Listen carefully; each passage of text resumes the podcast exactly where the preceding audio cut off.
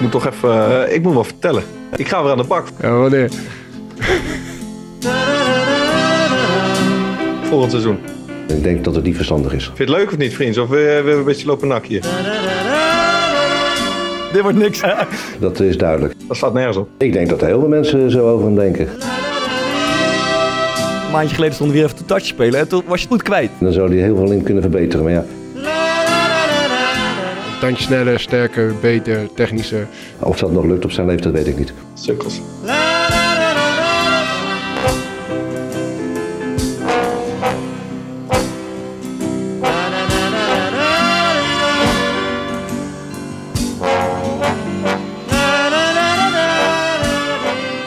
In menig huiskamer zal je op zondagmiddag kreten horen als... Tering, hoe kunnen die gasten eredivisie spelen, man? Als ik toch iets meer had geleefd voor het voetbal... of als ik geen ruzie met mijn trainer had gehad... dan had ik daar makkelijk tussen kunnen staan. Een claim die moeilijk hard te maken is... maar we gaan vandaag een poging wagen. Zijn profs uitzonderlijke mensen... of ook maar per toeval omhooggevallen amateurs? Houdt een slechte speler stand in het betaald voetbal... of wordt hij al snel ontmaskerd? Dat doen we vandaag met Thomas... en onze eh, correspondent eh, Midden-Amerika... Buenos tardes. Martin Fokkert in een Mexico-shirt, hè? Ja, vind je mooi of niet? Ik vind hem goed. Ik vind hem goed. Voor, voor beginnen eh, wil ik toch ook wel even aandacht vragen voor... eh, want iedereen, waarschijnlijk ook die luistert, heeft Ja. één zo'n vriend... Ja. die beweert dat hij profvoetballer had kunnen worden... Ja, ja, ja. Ik heb er wel vijf. als hij niet zo vaak geblesseerd Ja. was geweest... of als hij iets beters best had gedaan. ja, of als hij wat meer geluk had gehad. Of, Ja, eh, ja, ja. deze podcast willen we Opdra- denk ik, opdragen aan, aan, aan iedereen zijn vriend die dat is. Ja, ja, ja, ja. Of als je het zelf bent, dan is Ja, deze het zou, ja. het zou mooi zijn als mensen eh, zelf uit de kast kunnen komen. Ja, leuk. Hebben jullie ja. iemand die gelijk, die gelijk bij je naar binnen schiet? Hè? Guido en Hussein, eh, twee van mijn beste maten, allebei. Ja. Eh, jullie? Eh, Nou ja, bij mij eigenlijk jouw vriend Guido, die heb ik één keer ontmoet. En die heeft toen, denk ik, oprecht een minuut of twintig lopen uitleggen hoeveel bal hij zou binnenkoppen in de Ja. Eredivisie. Ja, ja, ja. En ik ja, heb zelf nou niet echt op topniveau gespeeld. We hadden, we hadden van, ik heb vandaag verprikken in onze groepschat. Ik vroeg, eh, welke profs hadden jullie er nou uitgespeeld? Nou, daar kwam niet, niet echt een antwoord op. En toen ging het op een gegeven moment over Castaneer van eh, Zwolle. Ja, Er kwam een soort statistiek voorbij dat hij maar 12 goals had gemaakt in Ja, zijn ja. carrière in 100 wedstrijden of zo. En dat was 100% zeg je dat ik meer goals zou maken dan Castaneer. Eh, eh, maar hij, Ik had voeg- net oh, hij voegde eraan toe, eh, misschien zit hij in een Castaneerwaartse spiraal. ik had me voorgesteld om hem... eh, Ehm, to- eh, Maarten, eh, vorige keer zat je in eh, Guatemala. Waar zit je nu? ja, weer. Ik zit eigenlijk 10 meter rechts van waar ik vorige keer zat. In een andere, twee in een twee weken kamer. verder, maar je, je bent gemeten, je bent niet opgeschoten.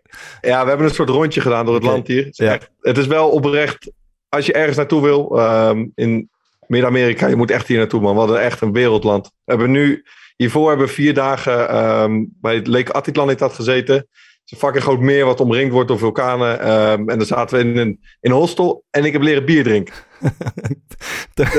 Chris Segers, zit hij. Oh, jullie willen lekker met z'n tweeën zitten piemel trekken net onder tafel. Goed hoor, ja, goed. nou, ik hoorde het verhaal en ik denk, ja... Dit wordt- dit, dit wordt niks. Nee, verder. Je hebt leren bier drinken. Ja, ik wil zeggen, als er een hostel is dat mij leert bier drinken. ehm, en weet je, we hebben daar vier dagen gezeten. Ja, maar eigenlijk heel die toko niet uit geweest. Lekker moet ik zwemmen. Eh, ik ben een paar één keer ontzettend lam geworden met drie Denen. En de dag daarna heb ik voor het eerst weer een bal getrapt ook. Oké. Die gasten. Dus het was, eh, ja, dat was wel een beetje mijn week eigenlijk, zeg maar, opgestond. je had erbij moeten zijn. Nou ja, ik weet niet of het met jou veel gezelliger was geworden. Maar En ehm eh, backgammon, tussenstand? ja, ik heb momenteel, ehm, ik heb de, de plus duizend aangetikt. Dus eh, we zijn weer bij nul begonnen. En ze moet gaan uitbetalen. Eh, euro's. Nee, pesos. Dat is 50 euro. Oké. maar- Maar het is wel, het, het, we kunnen wel stellen dat er verzet gebroken is. Maar dat, die anekdote vorige keer, ik had, ja, ik had hem iets aangedikt, maar het was wel ongeveer zeg maar, hoe het was gegaan. Maar we Ja. zaten op een gegeven moment... Hij werd niet goed ontvangen. Nee, in het noorden van Guatemala. En Lisa die zat, op zo'n stijgertje en ik zat gewoon wat te lezen, te chillen. En zij opent, eh, ik denk dat het Instagram was en daar had, had Broers dat op onze pagina had die video gepost. Van dat ik die anekdote vertel. En soms heb je toch wel eens iets dat je denkt van ja, iedereen weet dat dit ehm, op een bepaalde manier, het is wel zo, maar het is ook een grapje. Dus dat snappen ze dan wel, maar ik denk dat ze niet echt lekker geslapen had, want volledig het verkeerde keel gehad. Ja. Ik, heb, ik ben zwaar door het stof gegaan, maar het is eh, ondertussen wel weer redelijk bijgelegd. Oké, oké, oké, oké. En dat voetballen met die Dena, eh, had je het nog een beetje... eh, Ja, je ik heb eh, m- mijn sidevolley zit er nog in. Dus dat, eh, ik heb wel een beetje last van mijn lies direct. Oké. Wat, maar dat, wat ik moet nog, zeggen dat. Een side volley. Zo heb ik zo'n halve volley. Heeft, heeft hij die ooit gehad? Dat, jij kan Ja, die, die, uittrap, die uittrap bedoel Nee, ik. Heb het nooit Ik gezien. Ik heb je nooit zien spelen. Ik vraag het aan Thomas.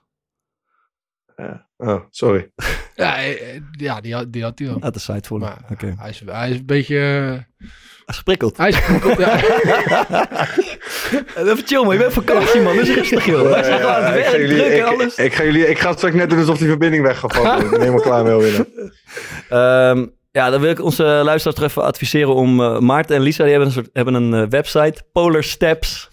Eh, is een app. Of een app is het. Ik kijk altijd op de website. Polar Steps, eh, Lisa van Leeuwen. En daar, daar houden ze de kijkers op de hoogte, het publiek op de hoogte van eh, wat er allemaal gebeurt. Ja, Thomas, is, is leuk toch? Ja, is Elke, dag een blogje. En Heb je gelezen haar? Ik, heb in, ik ben eh, sinds jullie op reis zijn, heb ik eigenlijk niet meer eh, gelezen. Alleen de eerste dag. Zeg maar, de eerste paar dingetjes heb ik gelezen. Ja, fotootjes, dingetjes. Dan kom je eh, weer dag voor dag eh, op de hoogte van, eh, van wat er speelt. Ja, ik schrijf, Lisa doet de foto's. Oké, oké, oké. Vind je het Ehm, leuk of niet, vriend? Of we, we beetje Ja, ik, nakken ik, zit er een beetje grappig over te doen. Ik had het idee dat ik het heel erg eh, het grappig ging vinden. Of ja, dom ging vinden. Maar eigenlijk is het best wel grappig. Ik, moet- eh, ik, moet, ik, ik, ga, ik ga gewoon complimenteren. Ik vind het leuke stukjes op staan. Nou, Zo dankjewel. kan, het, zo kan het ook, hè? Zo kan het ook. Zo moeilijk is het allemaal niet, jongens. Gozer aan de Ik weet het, ik weet het niet. Dan ehm, eh, even het voetbalweekend. Of ja, eigenlijk eh, het, eh, het media voetbalweekend. Vorige week ehm, was er iemand opgevallen dat voetballers nogal vaak zeggen... eh, ja, wat ik zeg. Om vervolgens eh, al dan niet iets te zeggen wat ze al eerder hebben gezegd. Of iets compleet nieuws. Eh, de score vorige week was eh, 11 in één, in één weekend. En we zijn dit weekend, Broes en ik, zijn even gaan turven hoe het er dit weekend voor stond. En het was vruchtbaar. Het was, het was een hoop. Absolute koploper Owen Wijndal. Vier keer, ja, wat ik zeg, in twee minuten. Had ik toch gelijk, hè, toen bij FC Rijnmond. Wat dan? Ja, dat... dat, eh, Oh, oh, moet niet zo'n grote bek hebben. ja. Oh ja, over uh, Wijndal, ja zeker. Ehm, eh, we hebben niet alles zit erin, we hebben een kleine compilatie gemaakt. Eh, daar zitten Ten Hag, Prupper, Heerkens, Wijndal, Fleming, Schouten en nog wat anderen in. Eh, en eh, om zeker te weten dat we een, een mooie score haalden eh, dit weekend, eh, heb ik zelf ook een duit in het zakje gedaan bij, eh, Hij zegt dat voor de grap bij was. de NOS. Geloof je dat, Fok? Nee, natuurlijk niet. We gaan even luisteren. Ja, drie goals in blessuretijd, hè? Ik zou bijna zeggen sportvereniging Ajax. Op zijn Duits. Ja, ik zei, zei net al, mentaliteit heeft de doorslag gegeven. En, eh, en ja, je moet tot het einde blijven doorgaan. Ze drukt ons wel wat meer naar achter. Maar wat ik zeg, op een gegeven moment maken we ook de 3-1. En dan krijgen ze nog wel kansen. Alleen ja, hebben ze niet echt meer hoop, denk ik, dat ze nog gelijk eh, spelen. In ieder geval, het staat zo dicht bij elkaar. En natuurlijk, dan, net als wat ik net zeg, dan maakt het extra zuur dat je vandaag niet die sprong maakt. We hebben de hulp van de keeper nog meer nodig. Dat die uitkomt. Ik denk dat hij dat ook wel vandaag een paar keer heeft gedaan. Zeker, ja. Maar eh, ja, wat ik zeg, we moeten die beelden gewoon bekijken. En dan moeten we gewoon duidelijk afspreken wat beter moet. Alleen eh, in de eerste helft toch niet echt balvast om eruit te komen. Ehm, desalniettemin, wat ik al zeg, je blijft toch lang in die wedstrijd met eh, nodige kunst en vliegwerk. Jij doet toch niet onder voor Malasia en hij krijgt wel de kans. Nee, maar wat ik zeg, dit is mijn eerste keer weer dit seizoen. En uiteindelijk is dat de keuze ook van de trainer. En ik moet gewoon weer laten zien dat ik de beste ben. En daarom is het ook zonde. En eh, ja, wat ik al zeg, als het dan ook nog zo tegen zit, waar het aan het begin van het seizoen misschien af en toe wat mee zat, eh, zit het vandaag denk ik ook tegen. Ik zou ook een beetje balen in jouw geval. Ja, ik, wat ik zeg, tuurlijk baal je als je daar bent wil je spelen. We lezen dat natuurlijk allemaal. Ik bedoel, die gasten stonden op de voorpagina van, van kranten en, en websites. Ehm, maar, maar wat ik zeg, ze komen, ze komen in de kleedkamer. We maken er eigenlijk een, eh, een, een grapje van. over, een lolletje van. Zo werkt het onderling, weet je, gasten onder elkaar. Ik kan me voorstellen, eh, wat ik zeg, Tommy en Aaron... die zullen misschien iets meer eh, wat spotlights op zich gericht voelen... wat niet altijd prettig is. Maar ehm, ja, Tommy heeft uitstekend, eh, is uitstekend ingevallen vandaag. Die, die tweede was, was bewust, die eerste niet. Jawel, natuurlijk wel, man. Ja, ik geloof er niet. Nee, ik geloof er niks van. Want, want, want het was ook echt een onderwerp. ging over die... eh, over die eh, over Thomas, Tommy. wat het onderwerp ook was, ik had hem erin gegooid. Nee, maar je moest hier echt bij de les zijn. Want je, want je, kon, niks, je kon niks zeggen... Ja, dat- dat- Dus hou ik denk dat die eerste, dat die... eh, en, en toen dacht je bij jezelf, hey shit, Hey, dan doe ik het zelf ook. Dus nou moet ik Had ook laten zien dat het grapje is, doe ik nog een keertje. Wat denk jij, Maart?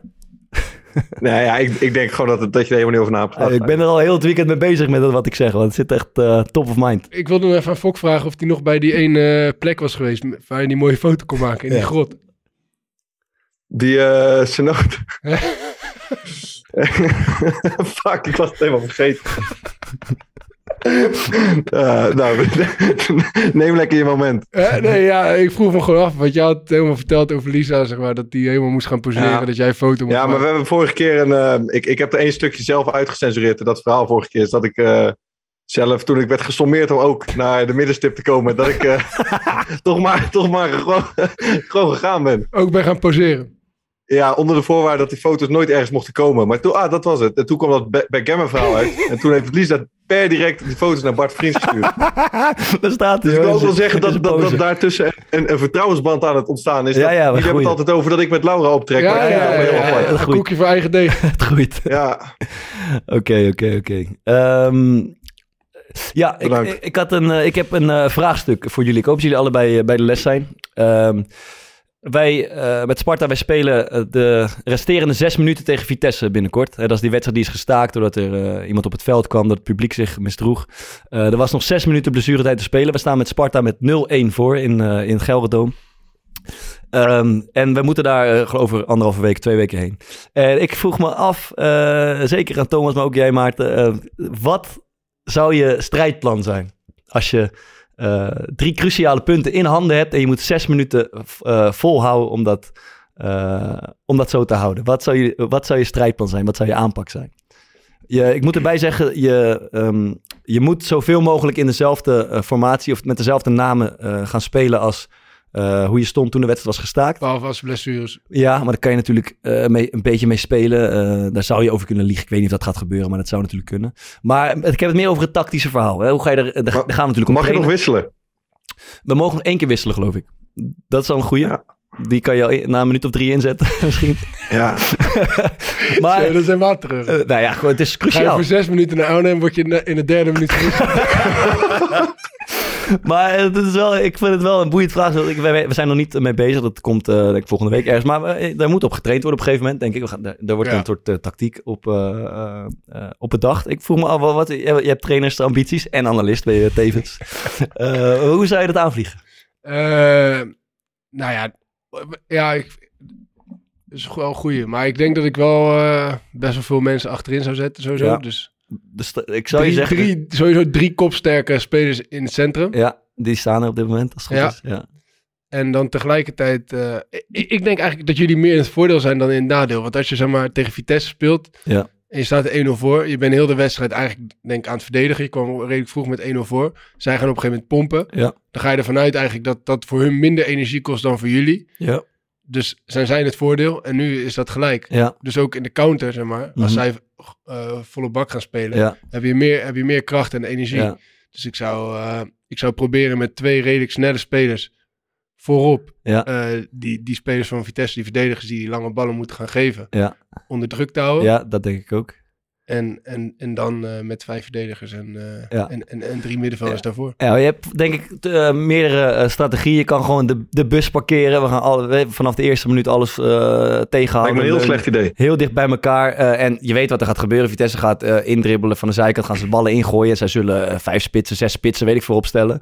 Eh, maar je kan er ook voor kiezen om juist zo ver mogelijk van je eigen goal te Nou, proberen ja, te spelen. Om ja. gewoon druk te zetten en ze eh, eigenlijk op, zoveel mogelijk op hun helft te houden. Nou, het kan en daar ga je. Ik denk dat we het, je, je, je moet toch het voor elkaar kunnen krijgen om zes minuten die gasten echt fucking hard onder druk te zetten. Ja. Dus dat ze geen één bal heel relaxed naar voren kunnen spelen. Ja, dat, dat is waar. Maar het gaat weer om de afweging tussen hè, park de bus, wat ook zou kunnen. Hè, al gewoon muur bouwen, alles wegrammen, tegenhouden, zo laag mogelijk.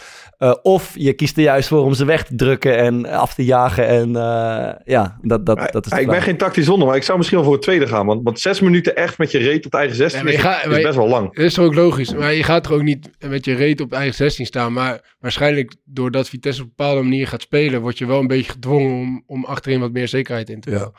Maar je kan, kijk, va- vanaf, als je bijvoorbeeld op je eigen 16 gaat staan, vanaf waar wordt het gevaarlijk dat Vitesse die, die ballen lang ga- ga- gaat geven?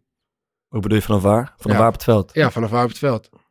Ja, als ze voorbij de middenlijn komen en een redelijk gerichte bal gaan geven Ja. op zes, zeven lange spelers die daar... eh, Dan gaat die een keer goed vallen of er komt een keer een overtreding of een corner. Dat wordt altijd, wordt, kan vervelend worden. Ja, toch? dus je kan, denk ik, met twee spelers ja. moet je denk ik wel in staat zijn om de hele breedte van het veld eh, onder druk te houden. Zes ja. minuten. Ja, ja, ja, ja. Ik denk dat, ja. Oké, we gaan het zien. Wat, wat denk jij er zelf van, eh dan, vriend? Ja, ik, ik denk een soort. ehm, ik, ik vind het altijd heel riskant om. Zeg maar, de, de, de bus parkeren klinkt soms verleidelijk, maar ik, ik vind dat soms eigenlijk ook een beetje wachten tot het misgaat. Ja. Ehm, eh, Ja, zes minuten. eh, ja, precies. Zes, dat is waar. Maar ik denk dat je dat moet doen. Dat is een heel stevig blokbouw. Maar tegelijkertijd ook zeker misschien drie spelers moet hebben die eh, alle energie gooien en druk zetten op de bal. Dus dat ze geen gerichte voorzetten kunnen, geen, geen Ja. gerichte lange bal kunnen Ja, en spelen. dat is natuurlijk wel echt, echt een super groot voordeel wat je nu hebt. Omdat je normaal gesproken eh, gebeurt een beetje aan het eind van de wedstrijd. En dan zijn je voorste mannen gewoon op een gegeven moment verrot. Ja, Of die kunnen niet meer dichtlopen. Ja, en dat ja. moet voor zes minuten zou je mogen verwachten dat dat wel kan. ja, ja. Het is wel, ik vind het wel interessant. Ik, ja, we hebben allemaal nog nooit zo'n wedstrijd gespeeld. Het is een hele andere sport bijna. Als je zes minuten iets voor elkaar moet krijgen. Dat- dat- Wij- zijn eh, met Sparta ooit een keer begonnen eh, alsof we in een oefenwedstrijd tegen Ja. Excelsior Oh, was ja. dat. dat voor moet, de ja, dat zal onder pastoor aardig, zijn. aardig onderweg eh, Cup. Cup, Ja. heette dat van de RET. Mhm. En was onder Pastoria, was in dat kampioensjaar van ons. Ja. Dus toen draaiden we supergoed. En toen gingen we in die wedstrijd gingen we spelen alsof we 1-0 achter stonden. Dus Ja. gingen we gelijk Oké. eh, eh, volle bak, risico, lange ballen. Ja, dat ging niet goed. Nee, nee, wat dan? Nee. Ja, toen stonden we volgens mij na twee counters van Nigel Hasselbank eh, binnen 10 minuten al met 2-0 achter, zoiets. Oh, het was tegen een serieuze tegenstander. Dat was tegen Excelsior. Oké, oké, oké. dus dat ja. was gewoon, eh, ja, Excelsior was toen de Eredivisie Ja. en wij eh eh, Jupiler League. Ja, ja, ja. En wij gingen gewoon gelijk, zeg maar, eh, lange ballen pompen op, eh, op twee spitsen. mooi. Dus we- weinig vertrouwen getankt in het slotoffensief van, eh, van Sparta toen. Daar. Dat, is, dat is niet best afgelopen. Nee, nee, nee. Maar het was wel leuk, was wel leuk om te doen. Ja. Alright. Ehm, nou, eh, we nemen het mee. Bedankt eh, voor jullie advies. Ik voel me, hebben jullie zin in, eh, in een voetbalverhaaltje? Dat is weer een tijdje geleden. Ja, lijkt me leuk. Oké. Laat maar komen. Oké. Ik, Laat eh, maar komen. kun je kiezen tussen... eh, jullie kunnen kiezen. Wil je Wout Weghorst of wil je Huub Stevens? Wout Weghorst. Ja, Wout Weghorst. Oké. Hij is ingezonden door Bart van den Berg. Eh, dat kan nog steeds op corepodcast.gmail.com of via onze Instagram. Eh, de titel is Wilde Wout. Komt-ie. Zo'n tien jaar geleden speelden wij een vriendschappelijk 7 tegen 7 toernooitje in Borne over Rijssel. Ik deed mee met wat vrienden en dorpsgenoten, vooral omdat het een goede reden was om een biertje te drinken. De avond ervoor hadden we al goed doorgezakt, dus de motivatie voor een lang toernooi was ver te zoeken. Wij, eenvoudige derde klasse amateurs of lager, groeiden zoals ze zeggen in het toernooi. En met wat geluk bereikten we nog de finale ook. In de finale speelden we tegen de grote, toen nog bij Emmen spelende Wout Weghorst. Met zijn broers en zijn gladde vriendjes. Wout werd compleet uit de finale gespeeld. En met een woeste uithaal schoot hij de bal huizenhoog over. Twee velden verderop. Ik als keeper ging de bal shockend en tijdrekkend ophalen. Tot ik achter mij de stappen van een wilde stier hoorde. Ze gingen harder en harder, kwamen dichterbij. En achter mij hoorde ik al briesend Woutje Weghorst. Die zich niet kon vinden in mijn actie. Deze Wout heeft in de minuten die volgden iedereen uitgescholden die hij tegenkwam in het veld. Ook de arme scheidsrechter van dit vriendschappelijke toernooi moest eraan geloven. Waarna Wout onder het gehoon en gelach van het aanwezige publiek met een rode kaart kon inrukken. ja, Weet je waar die Wout aan toe is? nou, ja. Ja, Waar is Wout aan toe? Ah. ik denk aan een AA'tje van de week. Oké, oké, oké, oké. Leg jij eens even uit wat dat nou precies is. Nou ja, we hebben eindelijk, en mag tromgeroffel, een nieuwe sponsor. Ja, we hebben hem. En dus is lekker, dus mijn trippie hier kan nog iets langer door. Lekker, oké. Gefinancierd door AA. Ja, Thomas kust Nee, we op dit moment een eindelijk- AA-flesje. Ja, we hebben een, eh, een nieuwe partner gevonden. Dat is niks anders dan de good old eh, sportdrank AA. Wie is er niet groot mee geworden, jongens? AA, high energy drink. Ik drink nog steeds hoor, de Ja? AFC, ja zeker. Net na de training nog eentje binnen Net na de training er nog eentje genomen. Heb je de dan mee in je voetbaltas? Of heb je een, Hè? heb je een koelkastje staan? Of heb je in je voetbaltas Nee, een nee, aardje gewoon mee? daarboven eh, in, Oh, bij de in- kantine. In, het clubhuis eh Lekker, lekker, bestel ik altijd lekker aardje. Lekker, lekker, lekker. En, en welk AA'tje zou je Wout Weghorst willen adviseren om, eh, om Nou. bovenop te komen? Ja, ik denk niet dat hij die high energy, nodig heeft. Energy. Misschien zo'n eh, zo'n isotoon. Beetje, Ja, die eh, isotoon, Een stukje herstellen. Ja, En ik denk vooral dat het een ijs... Hij heeft een ijskoude nodig, denk ik. Even oké, afkoelen. oké, oké, oké. Oudste Weghorst. Mooi, mooi, mooi. Alright. Eh, dan eh, vroeg ik me af of iemand nog eh, iets kwijt wil. Ja, ik, ehm, ik moet toch even... eh, ik moet wel vertellen. Je moet het kwijt. oh, oh. Ja, ik heb dus, dus gisteren een eh, kwartiertje gevoetbald. En eh, zoveel vertrouwen getankt. Dat ik eigenlijk gewoon maar weer direct heb besloten om... eh, hoe noem je dat? Mijn handschoenen uit de willig te halen. Terwijl Thomas nog een slokje aanneemt. En eh, ik ga weer aan de bak volgend seizoen. Lekker, lekker, lekker, lekker. Hij is er weer bij. Hij is er weer bij. Waar heb je getekend? Ben er weer. Madrid? Stedoco. ook, wat? Stedoko. Stedoco. Stedo- Stedoko. Stedoko. ja. Stedoko spreken. Ja, als je het heel snel uitspreekt, dan klinkt het als Stedoku. Maar het is, eh, het is Stedoko. Het is derde divisie. En ehm, ja, dus ik dacht, het is wel waard om even te delen. Leuk man, leuk. Ja, man. mooi. En je was een jaar geleden, ja, was het een jaar geleden eigenlijk? Ja, bijna. Ja. Was je er echt helemaal klaar mee? Eh, je, je moest er niet aan denken om nog ergens aan de bak te kunnen. Maar gaandeweg dit jaar is het toch, is het toch weer gaan kriebelen, kunnen we het zo zeggen? Of is ja, het, en of op is een het gegeven moment gaat dan... Wat zei, eh, eh, ja, combinatie. Oké, oké. Vooral het geld is op. Nee, nee, nee. Maar het is eh, in het begin, ja, dan heb- had ik echt een beetje een aversie er tegen. Ik had er helemaal geen zin in. En naarmate de tijd voorde, begon ik eerst eigenlijk teamgenoten te missen. Dus gewoon heel erg dat, dat sociale stuk ervan. Ja. En nu eigenlijk de laatste, ja, wat zal het zijn, maand, zes weken.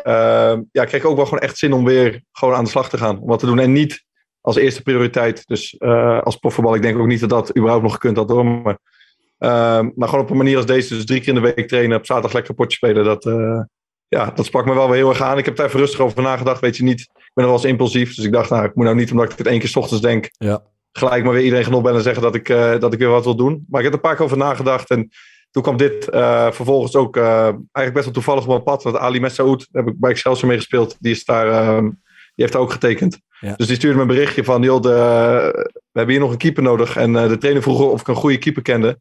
Dus ja, hij zei, ik kende geen goede keeper, maar ik wist wel dat jij nog geen club had. Geen goede, maar ik ken nog wel een Eh, vrije keeper. Ja. Ja, ik heb nog wel een vrije keeper. Goed is hij niet. Dus toen, eh, zo is dat balletje een beetje gaan rollen. Dus ik heb eh, ja, een soort van, ja, ik, het is geen sollicitatie, maar kennismakingsgesprek gedaan. Terwijl ik al in, ehm, ja, toen was nog in Mexico. Ja. Even geweest met die trainer, nog een keertje gebeld. Dat klikte hartstikke goed.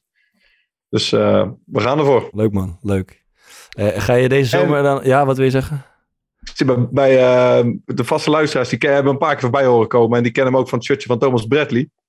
Ja, Daar ja. zit ik bij in de competitie. Dus dat is wel... eh, dat gaat mooi worden. Gaan we Sorry, ga verder met je vraag. Ga je ook deze zomer dan weer gebruiken om weer, eh, weer hard te lopen en Hans Kroon sportschool mee te pakken, weer, hele- weer terug in de, in de topsportforum te komen? Of, of zit het toch anders? Ja, nou, niet, niet topsport voor, maar wel gewoon, wel, wel gewoon fit. En ik heb ook niet het afgelopen jaar niet echt stilgezeten. Ja. Ehm, maar ik moet, we gaan lekker op ja, straat en eh, kleine partijtjes.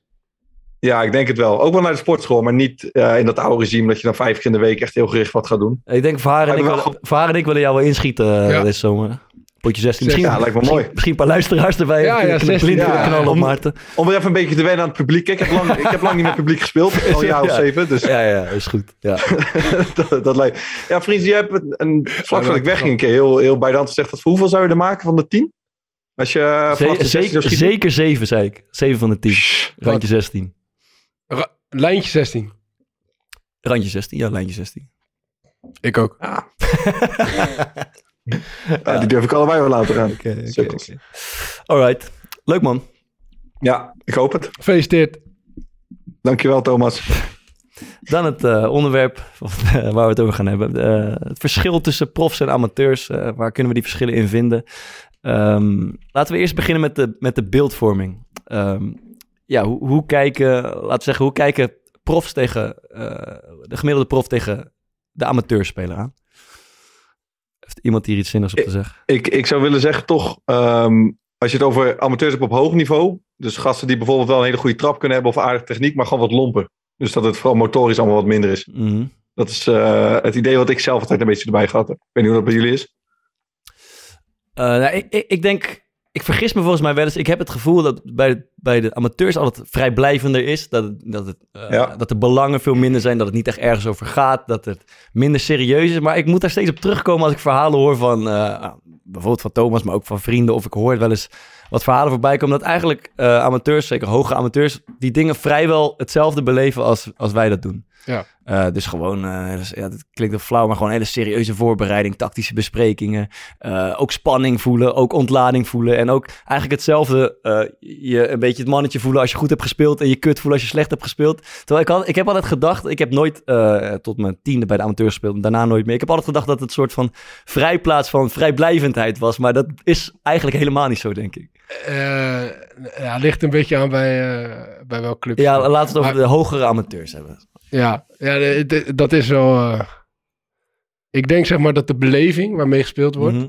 dat die gewoon nog bijna, zeg maar, of je amateurspeler of Ja. profspeler bent, dat die gewoon hetzelfde is. Alleen, zeg maar, het niveau van, dus de hoogte van de kwaliteit die geleverd wordt, dus ook in het praten en in de besprekingen Ja, en, en, en gewoon de kwantiteit, dat, dat gaat gewoon naarmate, zeg maar, je lager bij die amateurs gaat, gaat het steeds verder omlaag.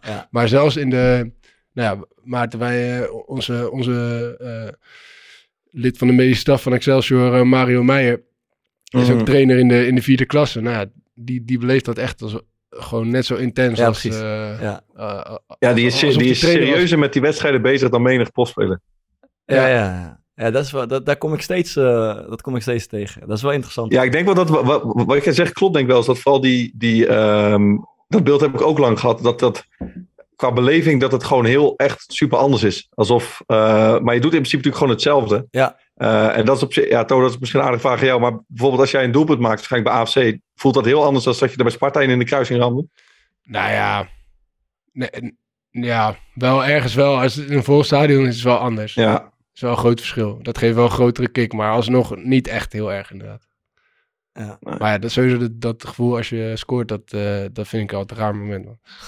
Dan? Ja, ik kan nooit echt beschrijven Ja, we hebben wat, de hele- wat je dan voelt. ja, we hebben er een hele aflevering aan Ja, besteed. ja. En geprobeerd, maar we het nog niet echt kunnen duiden. Denk ik. Nee, ja. dus, dus, dus dat, zeg maar, dat En- eerste ja. gevoel, dat is wel e- echt exact hetzelfde. Ja, ja, ja. Maar ook gewoon, ook gewoon winnen, zeg maar. In de kleedkamer zitten nadat je hebt gewonnen, dat is zeg maar, bij de amateurs eigenlijk gewoon hetzelfde Ja, ja, als bij de profs. Laten we even hebben over de onderlinge battles. hè. In, in die, in die bekertoernooien speel je als, als prof, dat is nou meestal één keer per jaar, speel je tegen een amateurclub in de, eh, in de eerste ronde van de beker. Ehm, ik, heb dat nooit eh, heel prettig ervaren. Ik heb nooit heel veel lol aan beleefd. Ik weet niet hoe. Ik heb ook, ik heb, we zijn, Thomas, jij was er ook bij, denk ik. We zijn uitgeschakeld Noordwijk. door Noordwijk. Eh, ook een keer met hakken over de sloot, penalties gewonnen ergens in het oosten. Eh, ik vind het, het zijn altijd ja, potjes waar je niet heel veel plezier aan beleeft. Waar ook best wel, best wel vervelende wedstrijden om te spelen. En het lukt amateurs ook geregeld om een, om een profclub op die manier uit te schakelen. Waar- waarom denken jullie, of ja, laat ik zeggen, hoe, hoe beleven de meeste profs die onderlinge strijd? Ja, is gewoon kut. Eh, en, en waarom dan? Zeker als je zeg maar naar een amateur toe moet.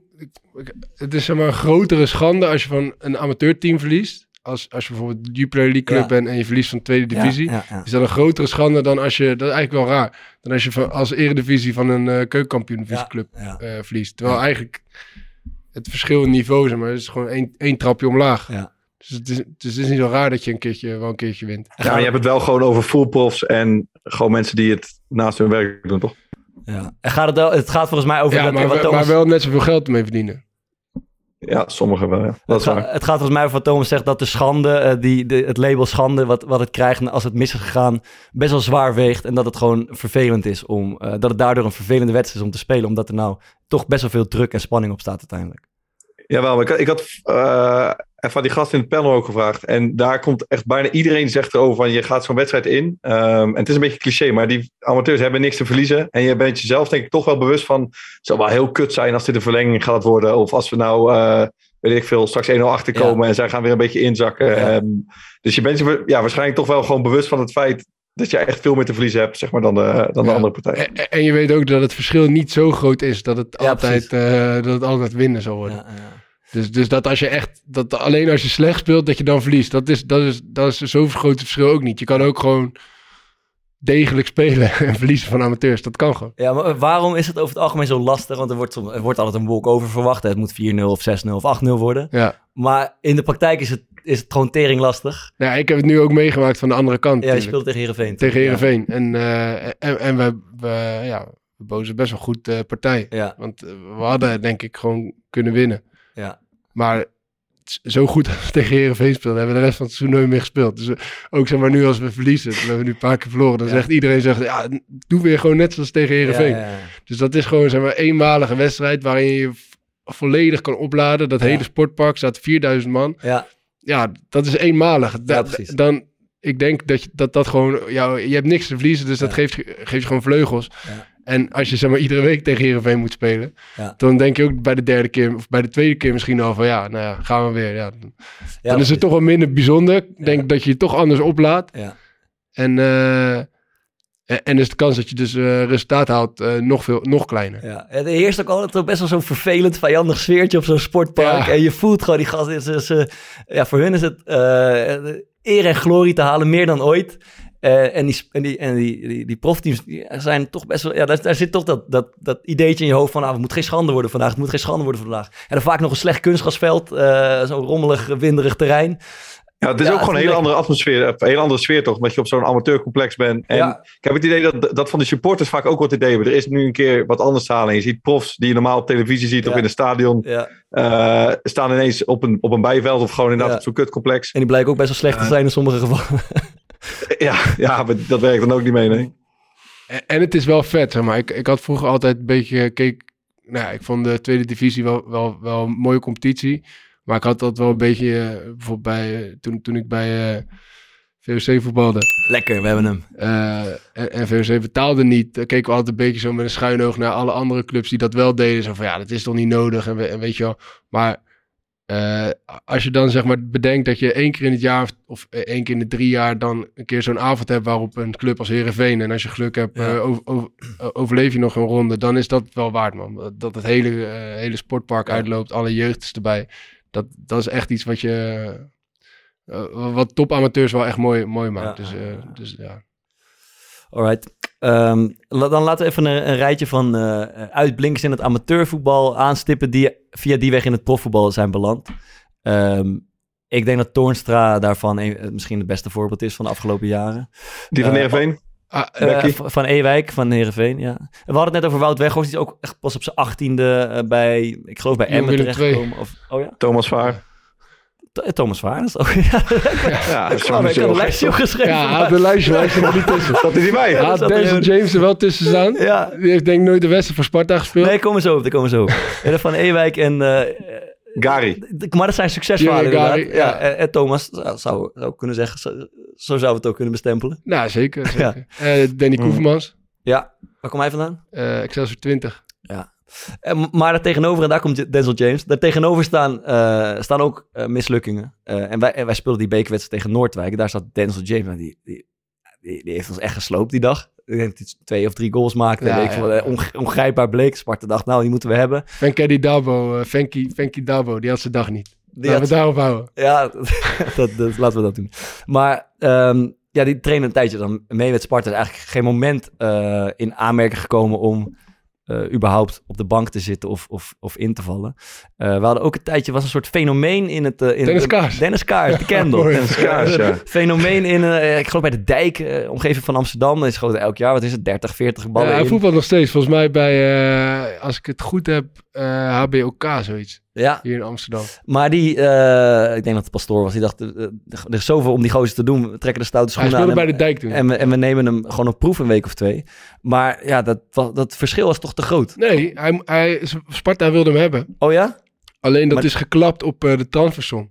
De dijk wilde per se een transfersom en Sparta wilde die niet gaan betalen. Oké, Volgens mij 5000 euro. oké, oké, oké. Maar aardig transfersommetje. ja, dat het daarop klapt is Ja, nee, maar dat is, dat is wel het verhaal. Toen is hij naar Den Bosch gegaan en daar is het niet, eh, daar is het niet geweldig gegaan. Maar ik krijg ook best, be- best wel veel terug eh, van gasten dat, eh, dat die bijvoorbeeld en prof en amateur zijn geweest. Dat vooral het fysieke zeg maar, een heel groot verschil is. Gewoon de intensiteit. Omdat je als eh, top amateur, nou speel je in het weekend en je traint drie keer, soms maar twee keer, meestal drie keer. Ja. Eh, en als prof traint natuurlijk ook, of je nou bij Helmond zit of bij Dordrecht of bij Ajax, je traint gewoon ja, vaak wel minimaal zes keer in de week. Ja. Ehm, maar, hoe, zeg maar hoe lang zou je nodig moeten hebben om, om daar denk je eh, aan te wennen? Ja, ze zeggen meestal iets van een half jaar wel. Dat, dat, eh, maar Maar heeft, heeft zo'n Denzel James bijvoorbeeld dan een half jaar gekregen om eraan te wennen? ja, die had volgens mij twee jaar contract, dacht ik. ja, ik, ik heb hem nauwelijks gezien. Hij, hij was vaak bij, bij Jong. Ja, en hij, en, en hij kwam zeg maar op het moment dat hij, dat hij werd gehaald, duurde het nog een half jaar voordat het nieuwe seizoen begon. Dus toen zag ik hem wel regelmatig al, eh, al dingen doen. Ik denk als je, als je voor het eerst meetraint... En er zijn, laten we wel weten, er zijn zat amateurs die echt goed kunnen voetballen. Ja. Eh, misschien wel beter kunnen voetballen dan een hoop profs. Maar dat de intensiteit je niet mee gaat vallen. Ja. Eh, en eh, misschien één grappig voorbeeld. We hebben denk ik keer aangestipt. Kan je herinneren dat Rarco, een YouTube-ster, eh, met ons meetrainde. Proberen, proberen. Ja, ik, heb het, ik heb het even opgezocht, echt grappig. Een, een- ja, hij, is- hij kan best aardig voetballen, Ja, zaalvoetballer. En hij zat bij Soufiane Touzani in een soort programma een vlog. En hij mocht een dagje meetrainen als, als prof met het eerste van Sparta. En het was ook nog een, een dinsdagtraining, een zware training, grote partijen, veel lopen. Zag ik vriend zomaar een boxie geven aan Rako. Ja, ja moet je anders, je anders doen? Maar, eh, ik, ga, ik heb even opgezocht eh, en dan probeer even te vertalen wat hij zegt na afloop van die training. Want hij kan best lekker voetballen, maar ja, de, tong hangt op zijn op zijn schoenen. Ik ga hem even opzoeken. Hoe gaat het tot nu toe? Het is zwaar man. Maar het is goed man, voor mij. Heb je het onderschat? Super man. Het is anders. Normaal kijk je naar tv en denk je van, hm, Ja, dat kan ik ook wel. Ja, het is moeilijk. Maar ik denk dat veel mensen het aan kunnen man. Hé, luister, je hebt pannas gekregen, maar dat is niet erg, hè? Daar gaat het voetbal, daar word je geen proef mee, hè? Je hebt gelijk man, Soef. Broer, ik ben gewoon prof. Zo. Het is echt lauw. Wat heb je in je handen? Asma. Het is, eh, het, het is niet heel goed te verstaan. Ik zal even vertalen wat hij ongeveer zegt. Eh, zwaar man, maar is goeie voor mij. Ik denk niet dat veel mensen dit aankunnen. Maar dit is wel lauw man. En vervolgens heb je zo'n zo'n astma puffy wat helemaal buiten adem is.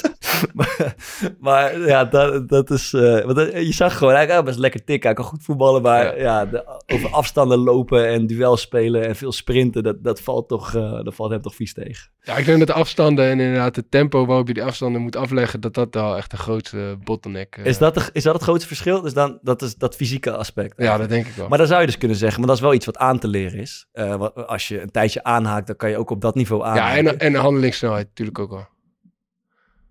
Ja.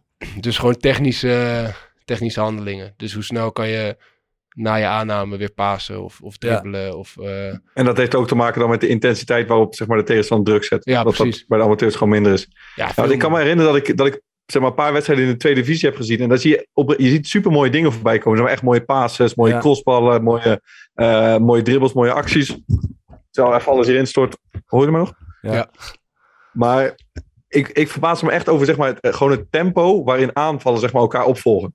Ja. Dus eh, je hebt wel eens als je nou, naar Sparta kijkt of eh, in de keukenkampioen-divisie ook, dan zie je ballen van centraal naar centraal gaan. Denk ik zo, dit gaat niet zo heel snel.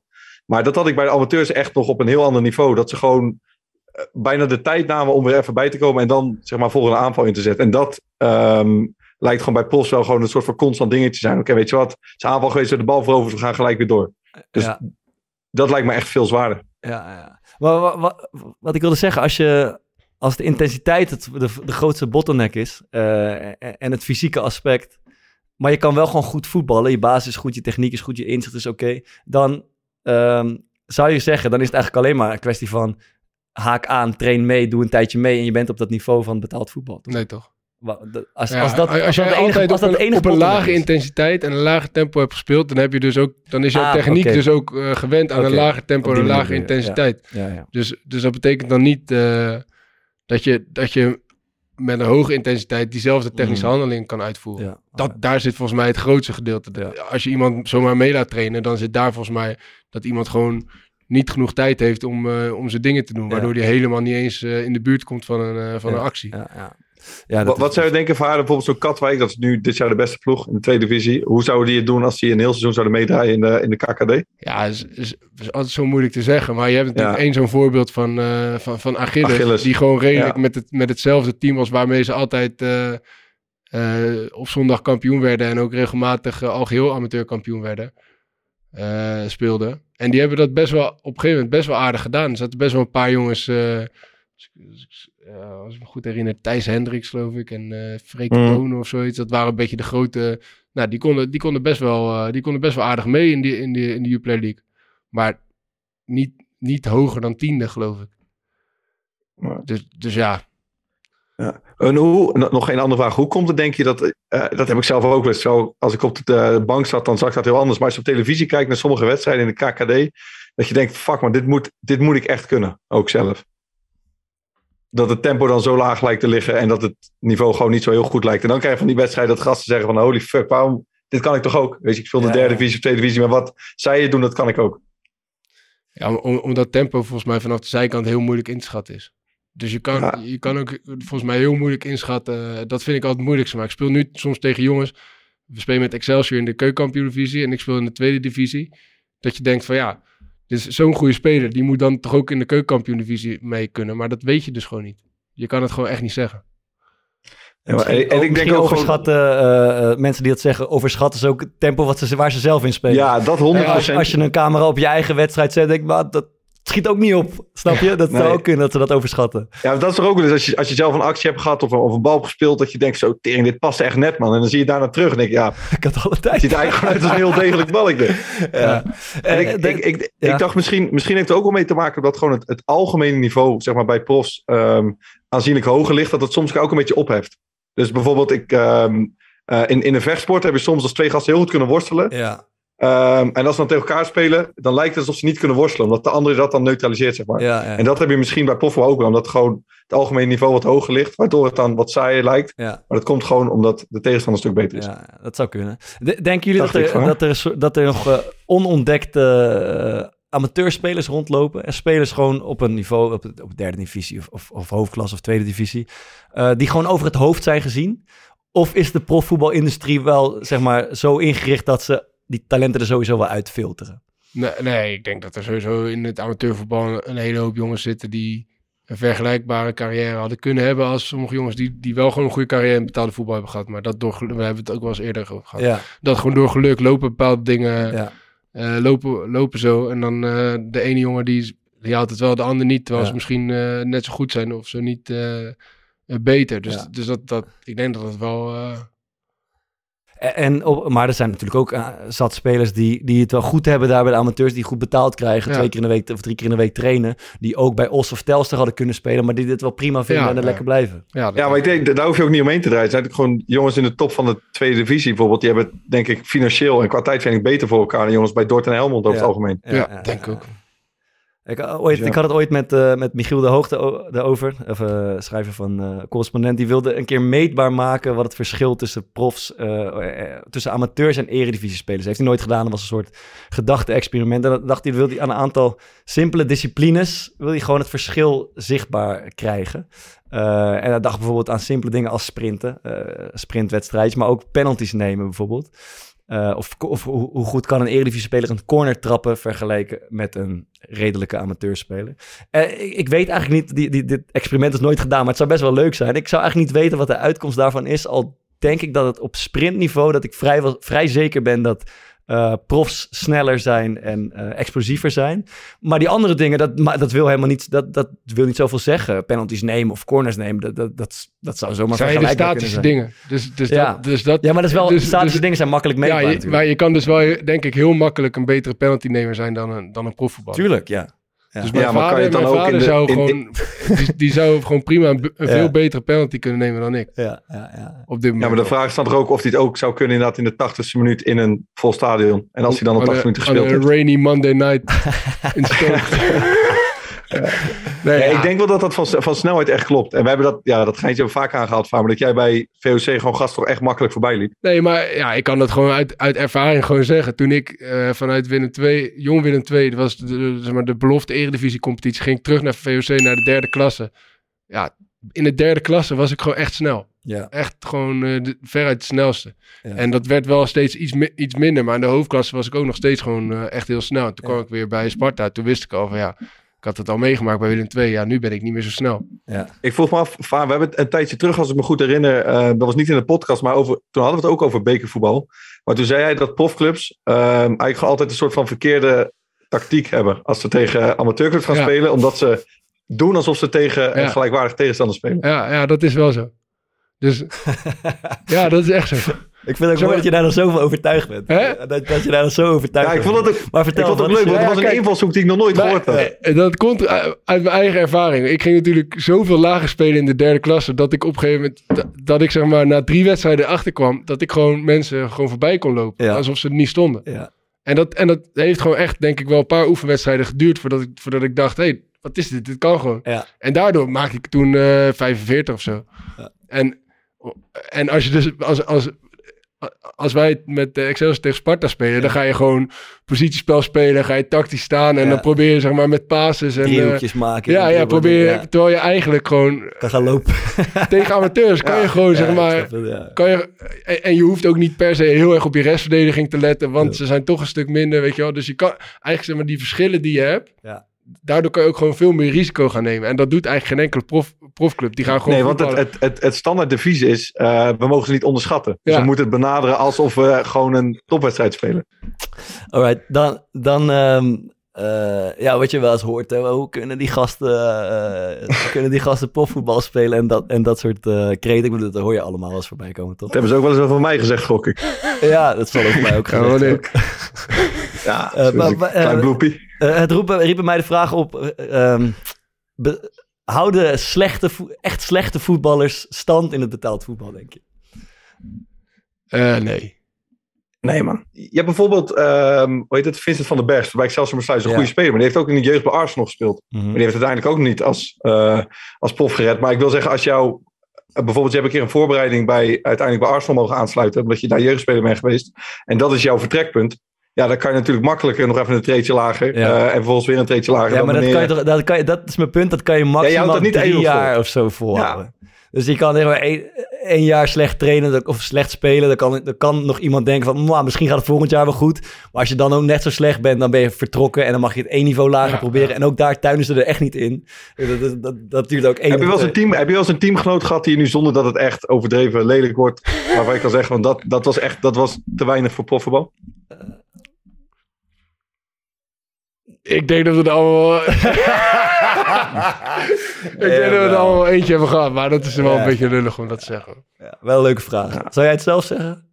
Nou ja, ik, de Misschien dat een leuke vraag aan onze luisteraars. Ja. V- Ja. Die hebben allemaal een favoriete club. Welke speler van hun favoriete club had nooit uh, profvoetballer Ja. mogen worden? Maar ik, ik denk toch echt dat ze er allemaal uiteindelijk naast zitten. Want nu gaan ze sommigen zeggen... Ja, maar kijk, het, het heeft er volgens mij vooral mee te maken dat Ja. eh, het, het gaat toch vaak over beeldvorming. Dus dan ga je Juist. dus over een Brugge Ja. of over een Kruiswijk. Art van Als Peppe iemand- ga je nu horen en zo. Of Dat- die linksback en dingen. Fleuren. Maar als, als iemand 400 wedstrijden heeft gespeeld, Juist. zeg maar ja. vier of vijf, dus iedere keer weer constant heeft een trainer die keuze heeft uit meerdere spelers bepaald, weet je wel, dit is iemand die wil ik in de baas hebben. Dan kan het niet dat dat een waardeloze speler is. Ja. Dat staat nergens op. Ja, ja, ja.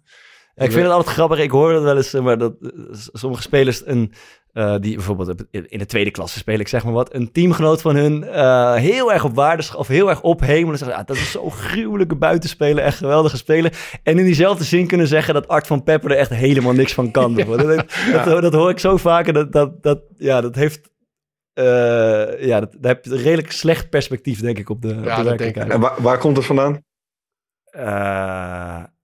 Eh, weet ik niet. Doe eens een poging. Ze, ze, ze kijken gewoon niet eens, toch? Het is toch gewoon omdat bijvoorbeeld Art van Ja. Peppe dan... eh, ja, zo. Ja, ja. die, die speelt tegen Feyenoord, Ajax en PSV bij spreken op rij en wordt, wordt een paar keer voorbij gespeeld en die glijdt een keer uit en die maakt een keer domme hands. ja.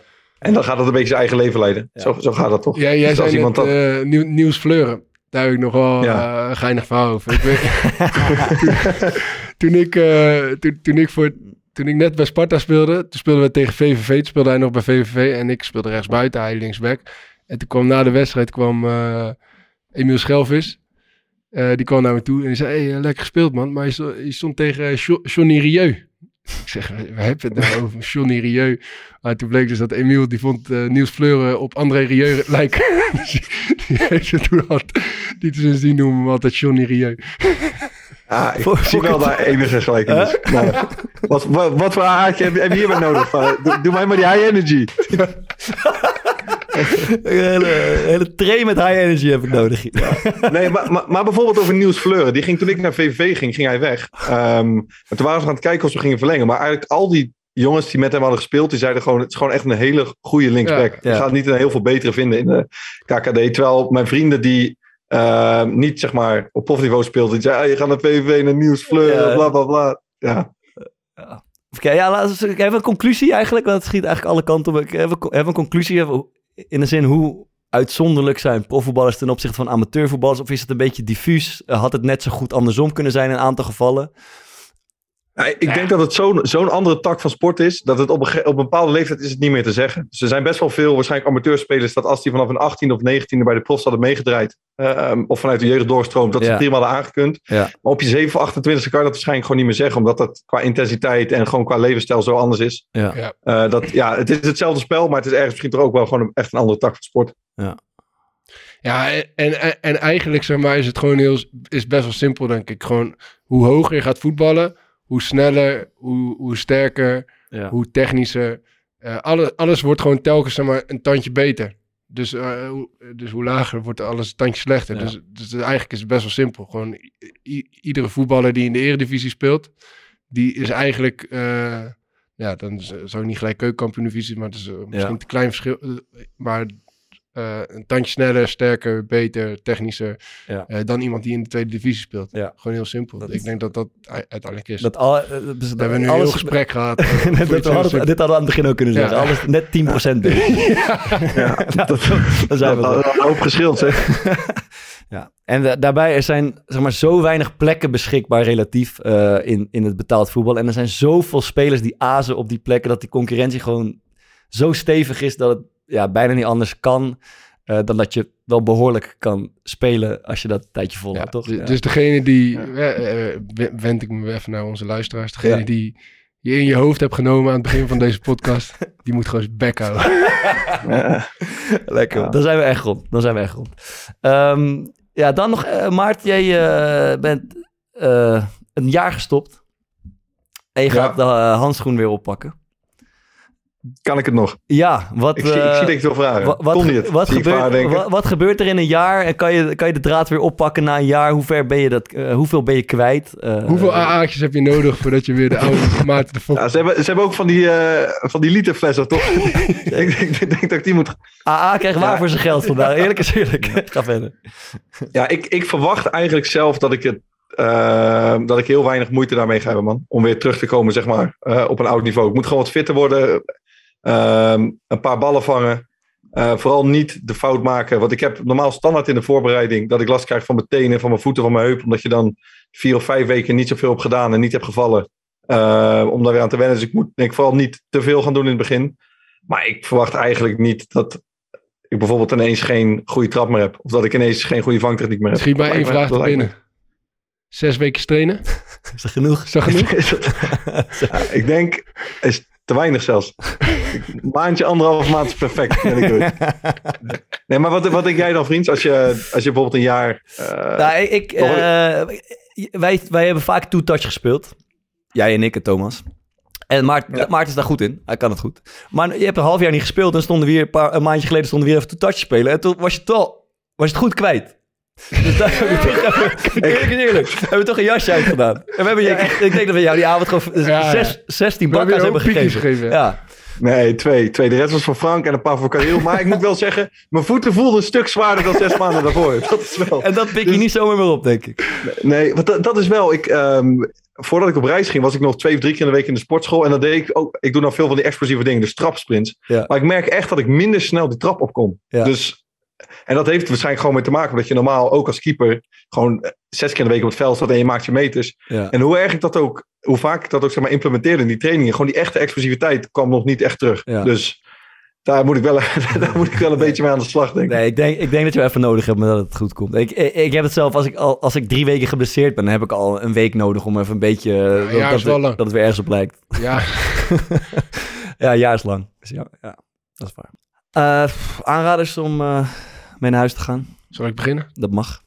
Ja, je bent Mooi. bang dat ik hem heb weggekapt. Ja, ja, ja. ik vind hem ook mooi. Ik ga hem aanvullen. Mooi. Ik, ik, eh, ik wilde... Wat was het? De nacht, de nacht van Fortuin? Of het, jaar, het, van jaar, van- Fortuin. het jaar Het van jaar. Fortuin. Ja, ja. Ja. ja. eh, die heb ik eh, vorige week, volgens mij, vorige week zondag was de eerste aflevering en afgelopen zondag de tweede. Vrijdagavond is het. man. Oh, vrijdag. Ja, eh, maar ik heb hem, je kan op NPO Plus kan je hem gelijk uitkijken. Dus ik heb gelijk na die eerste aflevering eh, NPO Plus eh, abonnement aangeschaft en heel die serie uitgekeken. En het is echt prachtig, man. Ja. Het gaat over de, over de strijd, een beetje over de, over de opkomst van Pim Fortuyn. Ja. En de strijd die hij vervolgens voert met Ad Melkert, de, de, de fractieleider van de, van de PvdA op, op dat moment. En je ziet hoe, zeg maar, gewoon de tegenstrijdige eh, belangen en ook de tegenstrijdige, dus gewoon, het is gewoon één grote tegenstrijdigheid. Fortuyn zegt wat, wat Melkert eigenlijk wil zeggen, alleen die, die, die dient niet, zeg maar, de, de kiezers die die daarmee wint. En, en Melkert die pakt het weer helemaal andersom verkeerd aan. Eh, en die spreekt zijn eigen, zijn eigen doelgroep dus juist daardoor niet aan. En dat, dat hebben ze prachtig, eh, prachtig weergegeven. Heel goed, heel goed. Eh, dan kan je ook het volgende kijken. Dat is mijn eh, aanrader. Ehm, eh, mijn vader de gelukszoeker op NPO. Ook schitterende docuserie. van Nadia Moussaïd, presentatrice. En die gaat, zij is dochter van een, Marokkaanse man. En dat was een, een gelukzoeker, een immigrant. Die ging zijn geluk beproeven via Parijs, Barcelona, even in Italië rondgezworven. Ehm, ja, echt als een immigrant. Dus op straat, soms geslapen, eh, zonder brillen verkopen. Weet je, zoals we die kennen in die, in die kustplaatsen. En ehm, Nadia gaat samen met haar vader terug, eh, de omgekeerde route van, eh, van Schiedam, waar ze wonen. terug langs al die plaatsen. En die vader is een geweldig karakter. Een grappige man. Zijn emoties zitten steeds heel hoog. Maar raakt met iedereen aan de praat op straat. Echt een geweldig karakter om zo'n docu over, over te maken. Eh, en dat levert een heel mooi, echt een heel, hele mooie serie op. die je ook op een iets eh empathischere manier, denk ik, naar, eh, ja, naar dat soort, eh, naar, naar immigranten gaat doen kijken. En zeker die gasten die soms een beetje irritant op de boulevard, die zonnebrillen aan het verkopen zijn. En je hebt ook dan soms de neiging om daar een beetje vervelend over te denken. Maar ja, in, in feite is komen ze echt van ver en proberen ze een bestaan in Europa op te bouwen. En dat, dat laat die serie en zeker de vader van uh, Nadia Moussaïd mooi zien. Van wat is die twee doc? Een NPO 2 doc, ja. ja. NPO, oké, nice. Klinkt goed. Moet ik ook maar even gaan kijken dan. Ik heb de podcastserie Een soort God geluisterd. is van uh, de Volkskrant. En daar gaan twee journalisten van de Volkskrant uh, duiken eigenlijk in het ontstaan van een bepaalde secte in Nederland. En het bijzondere daaraan is dat uh, volgens mij is normaal gesproken een beetje het beeld als mensen die in een secte komen, die hebben gewoon mentale problemen en dat, die zijn heel erg zwak. Uh, en die zijn daardoor dus heel makkelijk zeg maar, daar naartoe te trekken. En zo'n charismatische leider. Maar nu spreek met een aantal gasten die eigenlijk gewoon hun leven best wel prima op orde hebben. En die vervolgens toch heel erg stapsgewijs um, worden bespeeld en in zo'n secte belanden zonder dat ze het zelf doorhebben. Totdat uiteindelijk een punt komt en dan heb je het echt over. Sommige gasten hebben er twaalf jaar in gezeten. dat ze op het punt komen dat ze beseffen dat ze in een secte zitten en dat ze het gewoon toestaan dat er in groepsgesprekken vrouwen geslagen worden. Dat ze hun hele familie hebben afgestoten, noem maar op. En zij gaan in een aflevering of zes, um, ja, gaan ze daar stapsgewijs helemaal steeds in verder. Hoe dat ontstaan is, hoe die gasten daarin terechtgekomen zijn, hoe ze er vervolgens weer uitkomen. Uh, en ze gaan ook in gesprek met, zeg maar, de secteleider. Um, dat is op dit moment een oude man. Uh, daar gaan ze ook mee in gesprek. Het is echt fascinerend. We hebben we reden in Mexico in de auto, moesten we een stuk zeg maar, overbruggen. Ze hebben hem bijna in één keer helemaal geluisterd. Fucking vet, een soort god. Right. Heb je wat te luisteren, Toon? Ja. Liedje mee afsluiten? Ja, ik, uh, ik wilde afsluiten met een uh, liedje van uh, Leonard Cohen. ik dacht, toevallig hoorde ik hem van de week en toen moest ik gelijk denken aan, aan, aan, alle vluchtelingen die vanuit Oekraïne natuurlijk hierheen komen. En, en, ik, en ik ben er nooit zo van dat op het moment zeg maar, dat heel veel mensen geholpen worden, dat je dan naar andere dingen gaat wijzen. Daar hou ik niet van. en ik vind het heel goed dat, dat er zoveel gebeurt, maar ik denk dat het wel voor iedereen die nu heel veel doet voor vluchtelingen uit Oekraïne, goed is om na te denken over hun standpunt ten opzichte van vluchtelingen uit alle delen van de wereld. Uh, zonder daarbij uh, uh, mensen met een beoordelende vinger aan te kijken, zeg maar, aan te wijzen. Maar ik denk, wel, ik denk wel dat het goed is om daar even bij stil te staan. En het nummer wat ik wilde laten horen is de, de Partisan van Leonard Cohen. De Partisan? Ja. Nice. Doe nog eens die vinger, Maarten, met de beoordelende vinger aan te ik kijken. Zit, ik, ik, zit, ik zit hem aan te kijken. blij dat ik, ik kan niet zien of jullie naar mij kijken goed, dus ik ben blij dat je het zag. Alright, ik hoor je niet meer. Bedankt voor het luisteren. Uh, daarbij. Daarbij, daar is die. En uh, tot over twee weken. Oh, the wind, the wind is blowing. Through the graves, the wind is blowing. Freedom soon will come. Then we'll come from shadow.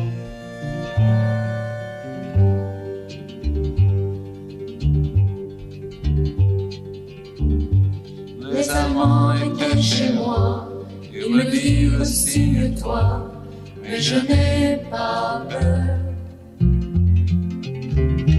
J'ai repris mon âme.